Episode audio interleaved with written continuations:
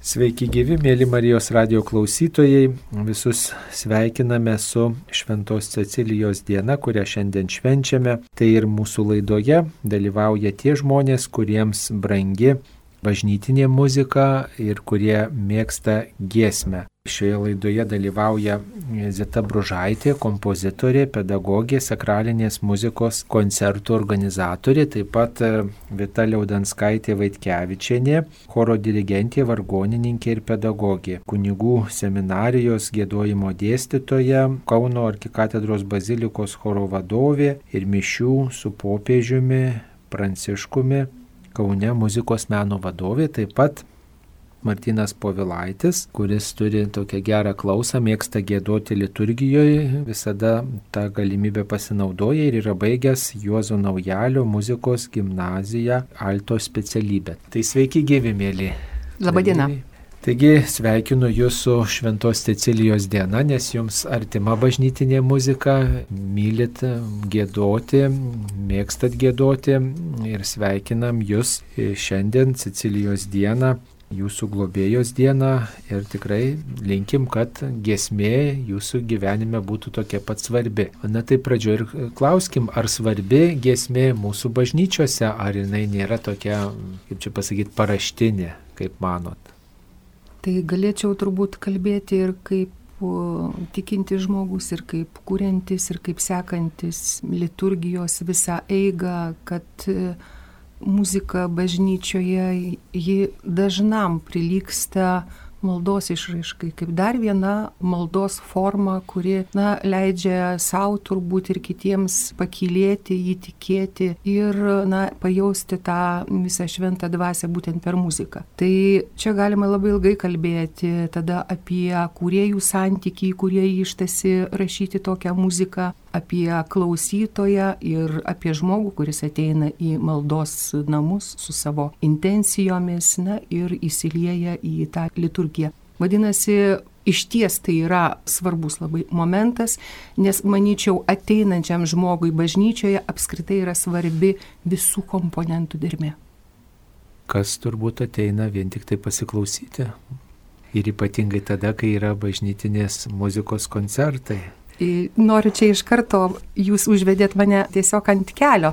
Aš kaip ne tik autorė, bet ir rengėja sakralinės muzikos koncertų esu nuo viešosios įstaigos iš arti jau kokius tris projektus surengusi ir tie projektai gimė būtent iš tokio noro, kad pildyti repertuarą, plėsti tą repertuarą, nes patys atlikėjai kalbinam, sako, mes dažnai koncertuojame, dažnai reikia kažko pakilėto ir šiek tiek naujesnės tos literatūros. Ir štai po vieno koncerto, berots tai buvo 2017 metais, kada mes į gyvenimą paleidome tokį, na, kamerinį sakyčiau, savo kūrinėlių vakarą bažnyčioje, prieina prie mūsų, prie atlikėjų, prie manęs viena moteris ir tiesiai šviesiai sako, žinot, sako, aš esu laisva mane, bet sako, kai pasiklausiau šito koncerto su tom įžangom, su aprašymu ir su pristatymu, aš supratau, kad aš gyvenime kažką negerai darau ir neteisingai. Tai tas nu, mus tiesiog labai sujaudino ir palietė, kad vadinasi,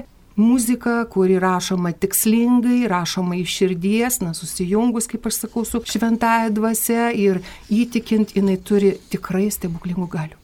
O dabar pasakykit, ko reikia, kad tas kūrinys būtų sakralus kūrinys, kaip e, atskirti tą sakralų kūrinį nuo tokio nesakralaus, ne, kuris atliekamas bažnyčiai, kokie tie kriterijai galėtų būti.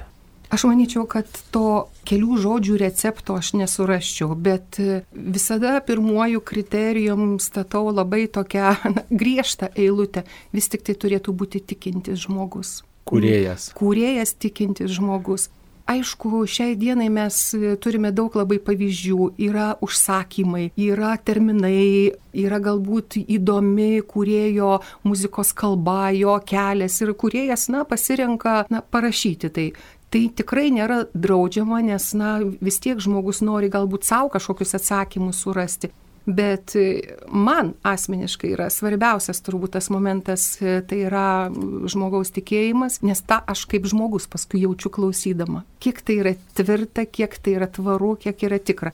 Kitas momentas, aišku, yra labai svarbu būti susipažinus su sakralinės muzikos e, istorija, klasika, taikomumo principų. Mes, kuriejai, dažnai net ir žinodami, nuklystame į tokius šalikelius ir, ir aš pati savo leidžiu kartais na, nuklyst į paraštės. Kažkaip tai, kaip aš sakau, ta mintis kartais išneša iš, iš to pagrindinio kelio. Bet paskui, jeigu tai yra liturgija, tai mane sustabdo žmonės ir sako, ne, Sita, taip negali būti, tada aš ieškau kažkokio sprendimo. Vadinasi, tai turi būti tikinčio žmogaus, tai yra žmogaus, kuris nori kažką pasakyti, perduoti ir pasiūsti toliau, aukščiau. O, o kodėl negali būti vienai par kitaip? Sakykime, tokioj va, sekuliarioji muzikoje įmanomi visokie variantai, o, sakykime, sakralioji muzikoje nelabai. Jeigu čia greta manęs atsisėstų kitas kūrėjas, jisai, mes čia su juo susiginčytumėm ir, ir jisai tikrai pasakytų nuo savęs kitą tiesą. Vėlgi, turbūt reikia man prisipažinti, kad jisai su savo tiesa galbūt būtų teisus. Jisai sakytų, o kas man neleidžia dabar štai imti animame, tekstus sukurti, jeigu aš taip noriu, jeigu man žodžiai plaukia ir tai bus mano santykis. Bet e, mano asmeninis, greičiausiai, jeigu mes kalbam, tas santykis yra toks konservatyvesnis. Ir jūs priminėt apie tą, tą sekuliaresnės, kaip sakyt, muzikos e, esmę ir gyvavimą, aš prisimenu skaičius Juozo Naujalio, mūsų patriarcho e, laiškus, atsiliepimus. Tai man labai patiko jo santykis į bažnytinę muziką. Jis taip pat yra konservatyvus, besimokydamasis Regensburgo muzikos bažnytinėje mokykloje, jis teigia, kad jisai seka ir renesanso, ir tikėjimo dvasia, ir neleidžia, pats savo neleidžia, rašant muziką sakraliomis temomis, išsilieti emociškai, būti labai ekspresyvus, dinamiškas, nes, na, tiesiog siekia tokios, na, maldos, sakyčiau, išraiškos. Ogi ne paslaptis, malda, nu, vis tiek tai yra ramesnis toks veiksmas ir jį, na, nereikėtų lyginti su tokiais pasaulietiškais arba būtiniais dalykais. Bet e, kaip ir maldoj, labiausiai svarbu būti savimi, kai aš, e, sakykime, esu džiaugsme ar esu liūdėsi ir, ir tą Dievui pasakau žodžiais, tai gal ir uh, muziką galima taip išreikšti tą, ką aš išgyvenu, reiškia, kūrybą, ar sutinkat? Tai greičiausiai, kad taip, bet e, štai tie tokie radikalai, jie turbūt ir tokių temų nelabai imsis, nes tas juos vis tiek kažkaip tai nuramins ir, na, tokiu, sakyčiau, ekspresyviu santykiu, kažin ar labai pavyktų jiems įsikalbėti. Pavyzdžiui, Algirdas Martinaitis, kuris yra, na, labai tikinti žmogus ir, na, jo sakralios temos yra įdomios, bet aš stebiu, reiškia, jo, na, tą muzikos kelią, kaip skiriasi muzikinė kalba, kada jisai rašo pasaulietinės muzikos puslapiams ir kada jisai žino, kur jo kūrinys skambės, koks kontekstas. Taip kad apibendrinus turbūt galima pasakyti, kad uh, tos kryptys gali būti įvairios, bet yra svarbu ką mes patys pasirenkam ir kuo tikim. Klausimas visiems laidos dalyviams. Mes dažnai susidurėm su bažnyčiose klausydamiesi chorų, klausydamiesi vargonininko, su giesmių tekstais, su atliekama gražia muzika. Ir štai būna toks vertinimas, ne, kad štai koncertuoja arba štai meldžiasi. Kaip Jūs manot, nuo ko tai priklauso? Kur yra tie kriterijai, kurie parodytų, kad štai meldžiasi, o štai koncertuoja, kaip manot? Na, liturginė muzika turi savo reikalavimus ir terminė sakrali muzika mes turim labai daug, o tai, kas vyksta koncertų formoje, tam taikomos visai kitos taisyklės. O kai mes turime, pavyzdžiui, šventasias mišes, liturginiai muzikai yra tikrai konkretus aiškus reikalavimai.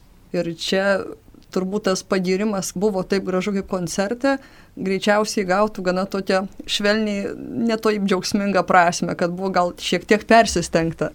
Nes liturginė muzika ir tarnauja liturgija, yra jos dalis ir čia turim labai aišku dalyką ir supratimą, tekstas, muzika tarnauja tekstui ir jeigu mūsų tekstas nekalbės apie mūsų tikėjimo tiesas, išganimo tiesas visas, tai tas tekstas greičiausiai nėra tinkamas. Todėl ir liturginiai muzikai, kad ji būtų pavadinta tinkama liturgijai, yra kelias, tai yra turi gauti leidimus bažnytinės vadovybės, ar tas kūrinys savo tekstu ir muzika yra tinkamas atnešti į, pavyzdžiui, šventasias mišes. Taigi ne kiekviena giesmė, kuris skamba mišiuose, bus įspūdinga koncerte ir atvirkščiai. Bet čia turbūt ir nuo atlikėjų labai daug priklauso, kaip manot. Kas atlieka? Aš manau, kad iš tikrųjų labai svarbu, kaip atlieka, su kokiu nusiteikimu žmogus atlieka, nes Jėzusgi sakė, jeigu turėtumėt tikėjimą kaip garstyčios grūdelį, jūs galėtumėt pasakyti šilkmedžių išsirauk ir pasisodink jūroje. Arba kalnus kilnot, ar ne? Tai ir kai žmogus, tikinti žmogus atlieka bet kokį net gali, nežinau, paprasčiausią tą kūrinėlį atlikti arba parašyti, ar ne, ir tu iškart matysi, ar jisai tai atlieka tai didesniai Dievo garbiai, ar, ar vat, kažkokiam savęs parodymui, nes tas vat, Dievo iškelimas virš mano kūrybos, virš mano darbo, virš to, ką aš moku gebu, ką išmokau, tai yra, manau, svarbiausias dalykas muzikoje, nes tada žmogus koncertuoja, kai jis nori parodyti, ką jis moka. Ir tad irgi koncertas ir būna tada, ar ne, kai būna ploja, ir visokie kitokie dalykai daromi, pranešama ir taip toliau, tai yra kita nuotaika. O kai mes esame mišių arba ten pamaldų kontekste, dažniausiai visai kita nuotaika. Dievas yra centre, o mes visi jį išlovinam. Tai nuo atlikėjo nusiteikimo, nuo jo dispozicijos turbūt labiausiai priklauso ir bažnytinės muzikos vaisingumas ir tas jos paveikumas kitiem, aš manau. O iš šalies ar galima pasakyti, kad štai va koncertavo arba štai tikrai jau meldėsi ir va, mane paskatino? Jaučiasi, Klaus. manau. O iš ko jaučiasi, va iš ko? Galėčiau pasidalinti tokia savo patirtim, kada tenka kviesti įvairius muzikos atlikėjus, pavyzdžiui, gėdo šventose mišiuose, adoracijoje, įvairiuose pamaldose. Tai iš tikrųjų yra skirtumas, aišku, labai smagu, kad yra labai profesionalus, tačiau ar jis yra tikėjimo kelyje, ar jis atikinti žmogus, nes tas jautrumas jis yra labai reikalingas. Ir visada būna didelis darbas, kada pasikviesti solistą, kuris dar nėra gėdojas, nors ir tikintis žmogus, tačiau neturi patirties. Tai tenka ir pristabdyti vietomis ir paprašyti išlaukti tam tikros įžangos arba pakartoti momentus ir kad žmonės nežinau kodėl. Nu, va todėl, kad tiek kartų reikia ar ne, Dievo vienėlis turi, pavyzdžiui, da, mišių dalis savo vedimą, garbės himnas kitokią nuotaiką. Ir tie dalykai iš tikrųjų jie auga, tvirtėja su praktika. Ir tada, kai turite tokį bendražydį muzikantą, kuris, jeigu dar ir tikintis, tikrai ta muzika nusidažo visai kitokiamis spalvomis, kurios rezultate paveikia ir esančių tarpę tarp altoriaus ir vargonų žmonių širdis. Nes toj muzikoje jie labiau girdi tai, kas yra gražus skirta Dievui ir kada žmogus jaučia, kad nedaro, pavyzdžiui, teatro. Yra tikrai sunku žodžiais pavadinti tai, tačiau ta dvasia buvimas labai dažnai gali iškart pasakyti, ar tas žmogus pirmą kartą tiesiog gėda taip savo užėjo ir galbūt jam ta bažnytėlė ir dievulis tiesiog ne, ne šiam gyvenimo etape ir tiesiog užėjau atlikti kūrinį, ar tam žmogui tai yra viena iš išaiškos formų, jo kaip profesionalo, galimybė štai taip atiduoti Dievui garbę ir tie akordai tada taip suskamba, kad kartais, kartais net paveikia giesmė labiau už nuskambėjusią homiliją. Nutinka ir tokių dalykų, turim pripažinti, man taip sakė ne vienas, būna kartais ir taip. Na taip, jeigu labai sutikėjimu išgėdota giesmė ir, ir darniai, ir, ir nuoširdžiai, ir, ir, Ir profesionaliai. profesionaliai, tai tikriausiai, kad e, gali ir daugiau padaryti, negu kad geriausio, geriausiai parengta, talentingo kunigo homilija. Man patiko jūsų klausimas, toks provokatyvus gan buvo dėl perėjimų, ten, dėl tokios migracijos, turbūt sąmoniai, kaip malda gali pereiti į klausimą, į, į giesmę arba atvirkščiai. Tai e, aš taip pati kartais pagalvoju, kad e, liturgijos metu esu tą patyrusi ir tokias tris būsenas, yra trys fazės. Nežinau, gal jūs jūsų galvosite daugiau, bet aš taip kartais logiškai mėgstu kažkokių pasiteisinimų, ieškojimų savyje surasti. Tai vienas momentas yra, kada tu susitapatini su pačia liturgija, tu ir klausaisi homilijos, ir įsijungi į bendruomenės giesmę, ir dalyvauji, ir meldiesi. Kitas momentas, aš esu tą pajutusi, kada yra tikrai tobulai giesmė išgėdama ir susijungia su liturgija tokios nu, aukštesnės, sakyčiau, kokybės. Esu tokia nu, religinė ekstazė pajutus ir tada tu truputėlį nuskrendi viršum visko. Ir tada ta liturgija, kaip pasakytinai, pasilieka kažkur truputėlį žemiau, bet tu kažkur aukščiau. Ir trečias momentas yra netoks geresnis, kada tu klausaisi ir supranti, kad čia kažkas netaip ir tau trukdo, viskam trukdo ir Dievo žodžiui trukdo. Ir tai čia yra susiję vėlgi, kaip Vita sakė, su pojūčiu atlikti sakralinę muziką. Ir neslėpsiu, ir kartai su atlikėjų profesionalumu, kaip jie girdi, o kadangi aš dar ir absoliučią klausą turiu savo nelaimėje, tai tada girdžiu ir tuos detonavimus ir tada jau man jau pradeda jau eiti dar žemiau truputėlį ir, kaip sakyt, malda užleidžia vietą klausimui iš tokių būtinių, reiškia, dalykų. Vadinasi, jau kai aš ateinu į liturgiją dalyvauti, aš noriu tos religinės ekstazės visame kame. Ir kaip aš ir pradžioje mūsų pokalbio sakiau, kad visoje dermėje ir maldos, ir dalyvavimo, ir skambančios giesmės. Na, bet turbūt turint galvoj, kad ne visi vargonininkai yra taip labai profesionalūs ir ne visi tie chorai yra gerai pasiruošę Mes tai galėjom kalbėti 20 amžiaus pradžioje apie tai. O dabar jau. Mes taip negalime dabar kalbėti. Mes jau toli nukeliavome ir kokią jūrą žmonių mes turime su muzikiniu išsilavinimu, kurie vėliau nesirenka profesionalaus muzikinio kelio, o štai ir prieš mane. Taip.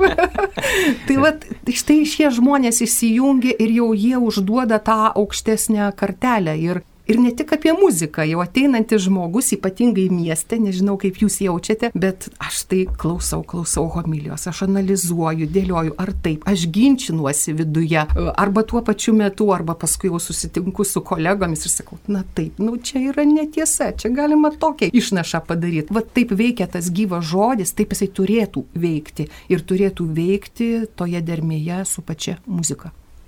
Taip, Lietuvoje tikrai vargonininkai ir chorų vadovai yra įvairaus muzikinio pasiruošimo. Tai tikrai nepaslaptis. Ir tikrai daug kas liūdija, kad tinkamai atliekama muzika su pakankamu profesionaliu lygiu, nebūtinai per daug aukštų. Tačiau, kada žmogus įvertina savo gebėjimus, deda daug pastangų ir supranta, kur jis yra, pavyzdžiui, šventose mišiuose groja, muzikuoja, kada žino, kur kas dera, visada tai skambės daug įtaigiau ir turės paveikumą, nes muzika tai nėra kažkokia vaza bažnyčių pastatyta, jinai privaloma, normali liturgijos dalis, vargonininkas turi savo labai aiškę tarnystę, psalmistas, kantorius, choras, visiems yra vieta, bet tu turi jaust, ką darai. Ir jeigu vis dėlto tavo žinios yra, švelniai tariant, tikrai netam skirtos, yra klausimas, kodėl tada žmogus tas tenai dirba. Tai čia vėlgi priklauso nuo to, kas yra šeimininkas. Arba jam reikia ir geros muzikos, kuri paveik žmonės, arba jam nereikia. Kaip Martinai jaučiatės bažnyčiai, kai, kaip sakoma, pjauna pro šalį, kai gėda pro šalį ar groja ne taip? Man visada juda kojos, aš negaliu nusėdėti vietoje, kai būna šalia tono arba ten labai būna atrodo, kad baras žmogus, pavyzdžiui, per psalmę, tai atrodo viešpatį barą savo gėdojimu, tai truputėlį maniera gėdojimo tokia būna. Truputėlį jokinga, kartais būna, kartais graudu. Tačiau iš tikrųjų, vad kaip sakė Zita, iš tikrųjų atrodo tiek yra daug jaunų žmonių, kurie gali, geba ir aš pats kiek pažįstu, kurie yra baigę, studijavę netgi kai kurie ir dirba, nu, tokius darbelius visai kitokius. Tai čia mūsų, mūsų bažnyčios turbūt yra augimo laukas rasti tuos jaunus žmonės, kurie kitais keliais eina ir ne pagal savo, gal netgi pirminį pašaukimą dirba. Tai šiaip jo, būna labai ne, nelengva klausyti žmonių tokių ir galvoju kartais, kad reikėtų tą muziką labai branginti. Paskutinis renginys iš tokių didelių renginių, ar ne, buvo popiežiaus Pranciškaus atvykimas į Lietuvą ir žmonės, aš su kuriais bendravau, tai jau atrodo popiežius ar ne. Wow. Nu, tikrai atvyko šventasis tėvas Petras su mumis. Ir kas žmonės vienas iš labiausiai tų aspektų, daugelis neatsiminė, ką pasakė, gal ne viską atsiminė. Gal ne, nežinojo, gal kai kurių ten, nu ką žinau. Ne visi vaivorykštė tą matė dangų ir tą. E, ne vis, bet ką atsimena žmonės, su kuriais aš kalbėjau, tai gėdojimą. Kad tos giesmės, kurias jie mato giesminę, parašytas vienu balsu, jie girdi jas išskleistas su abiem sparnais. ir ten skamba mūsų instrumentai liaudės, mūsų paveldas visas, nu yra kažkas tokio. Tai, tai žmonės liudijo, kokia didelė šventos dvasios galybė buvo tame vat šlovinime, tikras šlovinimas buvo ir mes tikriausiai visi jutom, kaip ten gėda žmonės tikintys, nes jie buvo iš parapijų, iš, iš įvairių tikrai žmonėm, kuriems svarbu yra tą atlikti ir, ir šventą tėvą pagerbti, bet labiau Dievą pašlovinti. Tai sakau, kai žmogus su tikėjimu daro, tai jis padaro didelius darbus. Jo, netgi didesnius už savo išsilavinimą kitą kartą arba galimybės. Jeigu dar grįžtume prie popiežiaus celebruotų mišių Kaune, Santakoje, minėjot, kad tos giesmės buvo parašytos vienu balsu. Kodėl skirtos? Knygutė buvo skirta visai bendruomeniai, kad galėtų norintys įsijungti. Pabrėžiu žodį norintys, todėl kad niekada žmogaus nepriversi. Kartais tenka išgirsti mum vargoninkam, ai, aš negaliu dėduoti, niekur neįsijungsiu, arba atėjau negalėjau. Ir kai pradedi diskutuoti, supranti, kad vienas iš procesų buvo, aš ir niekada nedėdu ir net nenoriu. Tai vad kaip tu žmogų įtikinsi. Taigi ta knygutė buvo skirta visai bendruomeniai, kunigam, visiems, kas mišiuose, kad jie galėtų ten, kur tinkamos vietos, lengvesnės kažkokios muzikinė prasme įsijungti. O chorai, orkestrai turėjo natas, kuriuose buvo ne viena eilutė, kaip minimum keturios vietomis 44, jeigu pažvelgtume į visą orkestrinę partitūrą. Taigi ten skambėjo ta harmonija, apie kurią kalbėjo Martinas, apie tai, kaip jinai išsiskleidžia su tais sparnais. Taigi žmonės mato vieną, jie gali įsijungti, tačiau tuo metu gali pasijusti labai nuostabiai, kad yra choro dalis, gėda ir kažkas su jais dar vyksta nuostabaus. Tai užmanimas buvo toks. Ir kaip žmonės atsiliepė į šitą sumanimą? Sunku pasakyti būtų man, nes aš mačiau taip dalelę, kas yra arčiau choro. Taigi tai buvo, arčiausiai matėme mes kunigus ir vienuolės. Čia buvo visai, buvo ir norinčių, buvo tiesiog stebinčių. Taigi čia žmogaus vėl vidinis nusteikimas yra. Iš filmuotos medžiagos galiu pasakyti, kad buvo ir gėdančių. Ir įdomu tai, kad e, irgi paskui taip smagu, kai pamatai, kad ne vien brandų žmonės, ne vien būtinai tie, pavadinkim kartais, kurie ypatingai daug meldžiasi, eina pabažnai bažnytėlę, bet ir jaunos kartos atstovai, net buvo ir ar politikų, arba pop muzikos atstovų, ir buvo nufilmuota, pamačiau, kaip jie kažkokioj giesmiai gėda kartu, nesvarbu, ten baisiai daug, bet jie, jų lūpos juda, jie bando, matyt, jiem greičiausiai kažką pajuto savo ir gėda. Tai tas džiaugsmas toks buvo paskui bestebint e, tą, kas buvo įrašę, Tai ta analizė tokia tikrai buvo labai gera širdžiai. Aišku, ir operatoriai visos filmuoja tos ir kažką daro, natūralu. Na, bet tuos, kur nefilmuoja, aš jau mačiau. Taigi labai džiaugiausi, kad ir pamačiau vis tik gėdančius. Taigi čia buvo visai, bet buvo tikrai ir gėdančių, kas norėjo, galėjo.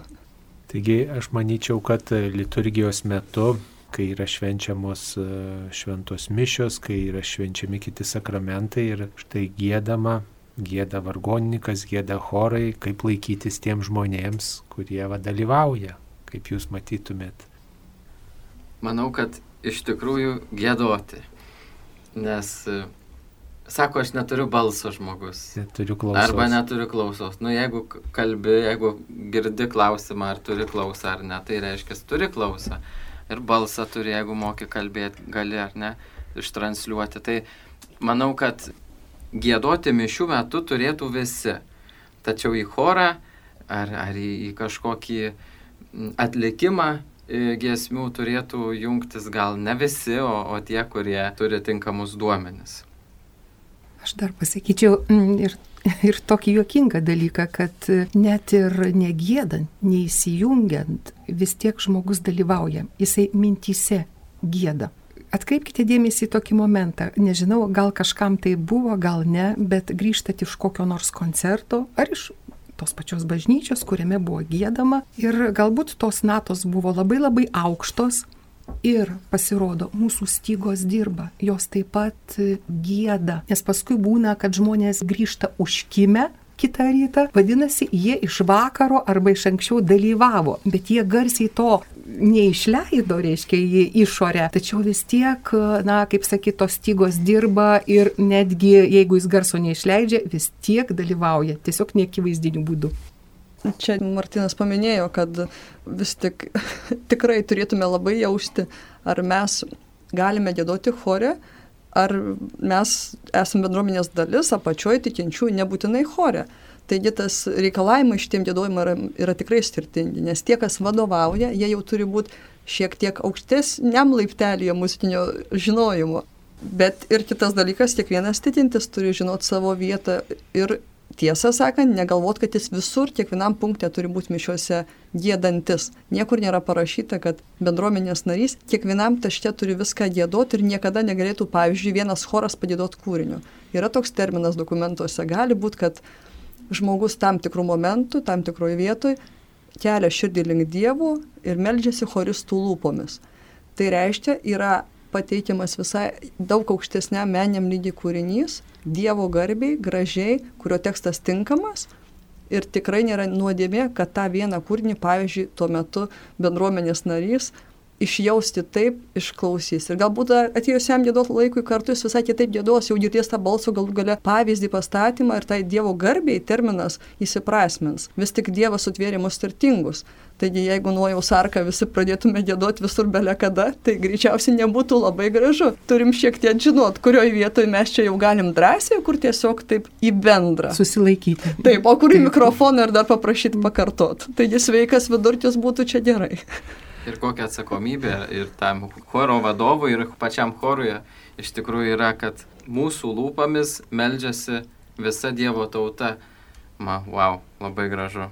Iš tikrųjų. Kad... Sujaudina šitas aspektas. Nu, tikrai, gėdį... atrodo, ką aš čia chore gėdu ir, ir vat, kaip aš čia prisidedu prie bažnyčios, nu, vat, to Dievo garbės. O iš tikrųjų tai mano lūpom šlovinamas Dievas yra įgarsinama tikinčiųjų tyli malda. Žinot, aš dažnai tai prisimenu, kai dalyvauju kitų tautų, kitomis kalbomis švenčiamosiose mišiose ir kai ten visa bendruomenė gėda, tai yra nepaprastas jausmas, kai, kai reiškia visi kartu šlovina viešpatį ir tada atrodo ta malda tiesiai į Dievo širdį nukeliauja ir pakilėja ir tą bendrystę padidina ir tiesiog visiškai kitas toks iškilmingesnis, sakyčiau, patyrimas ir toks didingesnis patyrimas negu klausant klausantis gražaus kūrinio. Dar norėčiau tokios vilties suteikti mums lietuviams. E, žinot, kada ruošėmės šventojo tėvo vizitui, tai teko man e, nemažai praklausyti transliacijų, vis tik kaip tos tautos pasiruošė, kaip atrodė tos mišios ir ką mums dabar daryti, nes vis tiek tu bandai galvoti, kas buvo prieš tai, kad jau kaip ir laiptelis po laiptelio nebūtų dobės. Tai, žinot, labai gera, kai yra tautose ta tokia muzikavimo tradicija, su motinos pienu atėjus ir jie jau jie išnešioja tos vaikučių šokdamosios, padimdo jau šoką ir tom tai tom tautom yra lengviau visą tai išgėdoti. Mums kartais iš šono klausyti tarsi gal per grubiai, per garsiai, tačiau tai yra jų tautinis identitetas. Ir tai labai dažnai yra susijęs su istoriniu veiksmu. Ir vad kartais mums tenka kalbėti ir su vargoninkais, ir su seminaristais, ir su pasauliečiais, kurie rečiau, dažniau žino bažnyčią, kodėl mes dažnai gėdam gana liūdnai arba žmonės nenori įsijungti, mums taip pat yra labai svarbu istorinis bagažas. Mes turėjom spaudos draudimo metus, mes turėjom okupacijas įvairias, kada tas gėdojimas, įėjimas į bažnyčią vis tik buvo nelabai patogus ir pavyzdėliai buvo ir baigdavosi ne visos labai gerai. Taigi mes turim tam tikrus žymės istorijų, nuo kurių nebūtinai norisi ploti kiekvienoje dėsmei. Ir turim tą priimti, tą ir muzikos dokumentai pabrėžia ir, ir popiežius kalba apie tai, kaip kiekviena tauta turi savo istoriją, yra gerbtina ir tai yra vis tiek save užlaikyti savoje nuotaiką, savas spalvas, negu bandyti pamėgdžio tautas už Atlanto, pavyzdžiui, mums esantiem Lietuvoje. Nes mes užaugom prie tam tikros gamtos, prie tam tikros istorijos, mūsų močiutės vertė Sibirė žuvo, grįžo, galbūt mamos gimė Sibirė. Ir tos giesmės, jos tas Dievo šlovinimas kitaip, nesubūgnais būtinai visur buvo. Taigi aš norėčiau tik paguos lietuvius, kad vis tik ilgai maščiau būdavo, kodėl nesiseka kažką ten atgaivinti, bet nėra taip lengva, mūsų istorija yra kita. Taigi ir mes dėdam kartais liūdniau, o kartais tyliau. Bet jaunimas, žinot, jau pamiršo tuos visus sunkesnius istorijos momentus, jau jie gal ir širdis jų atgyja, kai vat, būgnai dar kažkas ateina į Taip, bet mes čia turim tą šių dienų tokią problemėlę, kad norim visko greit čia ir dabar ir kad būtų džiaugsmas begalinis. O kartais tas džiaugsmas ištinka, kada mes lietai link jo einam ir jis tada taip sužydė, kad oi, bet aš vad kvieščiau tą jaunimą kartais nebijoti to keliavimo momento ir negalvot, kad tas tikras džiaugsmas yra, kada mes jau plojam ir angliškai gėdam. Mes ir lietuviškai galim išgėdot ir nepabijoti matyti iki to tikro garso. Gali būti, kad ten atrasim, ko dar neradom.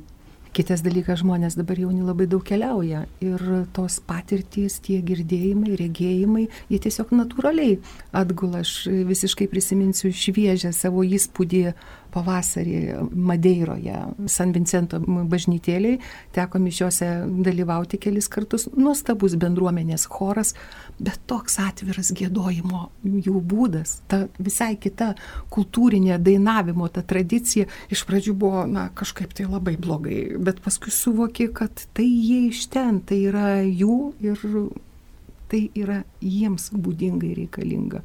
Ir tiesiog išmoksti tą pamoką.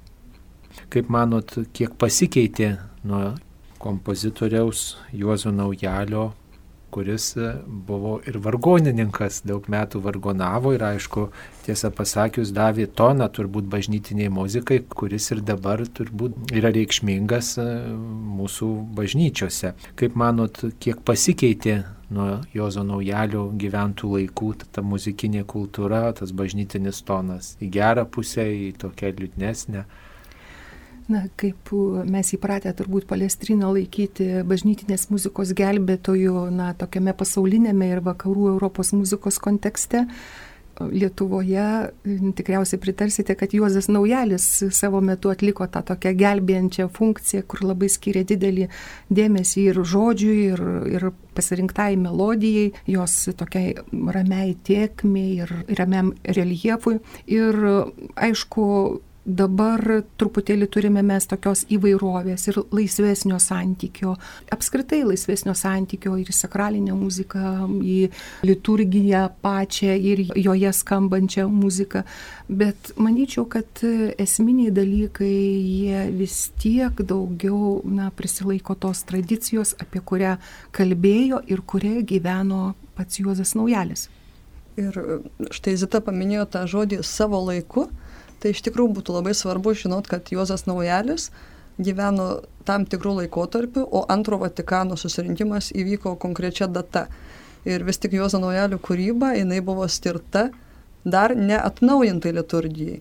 Ir štai va šiandien mes susidurėm, būna mišiom berinkdami repertuarą ir galvodami, turim didelę tokią vidinę problemėlę nuspręsti, ar pavyzdžiui Juozo Naujalio mišių ciklas jau dabartinėje liturgijoje, kurio mišios kas valandą vyksta, ar jisai jau tilps ar ne, nes vis tik yra įžangos intarpai išplėtoti ir mes galvodami apie tai, kas dabar turėtų įvykti, dažnai nusprendžiam savo, kad mielai štai šitas ar mišių dalis, arba šios motetus, responsorės kitus dalykus atliksime greičiausiai po mišių arba koncertiniai formui.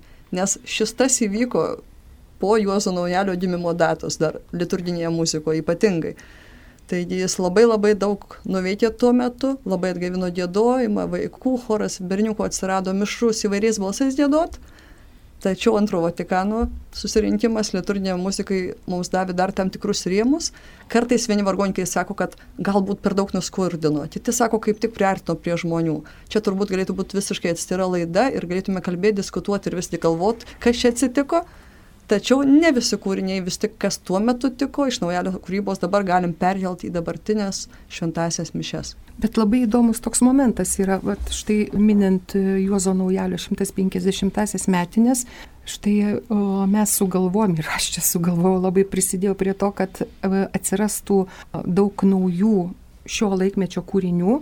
Ir buvo netgi sugalvota tokia koncepcija, kadangi Juozas Naujalis parašė apie 15 motetų, Tai aš e, tiesiog parinkau kompozitorius, e, lietuvių kompozitorius, tai ten buvo ir Donatas Zakaras, Diana Čemerytė gyvenanti Frankfurte prie Maino, Martinaitis Remesa, Beinarienė, Dabulskinė, Miškinis, daug. Ir jie gavo Juozo Naujalio motetų tekstus, jie žino tuos motetus, jie išsianalizavo ir kiekvienas pasirinko savo mielą tekstą prieimą. Ir aš kada jau artėjom prie pačio to projekto įgyvendinimo, Raudondvaryje buvo numatytas pirmasis koncertas, tai yra gimtinė Juozo Naujalio galvoju, Dieve mano, kas čia dabar ties bus ir į kurią mes čia pusę, ar, ar bus kažkokių šnapždėjimų, kažkokių šiuo laikinių, kažkokių vingių ir kaip čia dabar, koks tai santykis bus. Nes tarpuose buvo ir Juozo naujalio motetai gėdami. Tai toks savotiškas barometras, sakyčiau.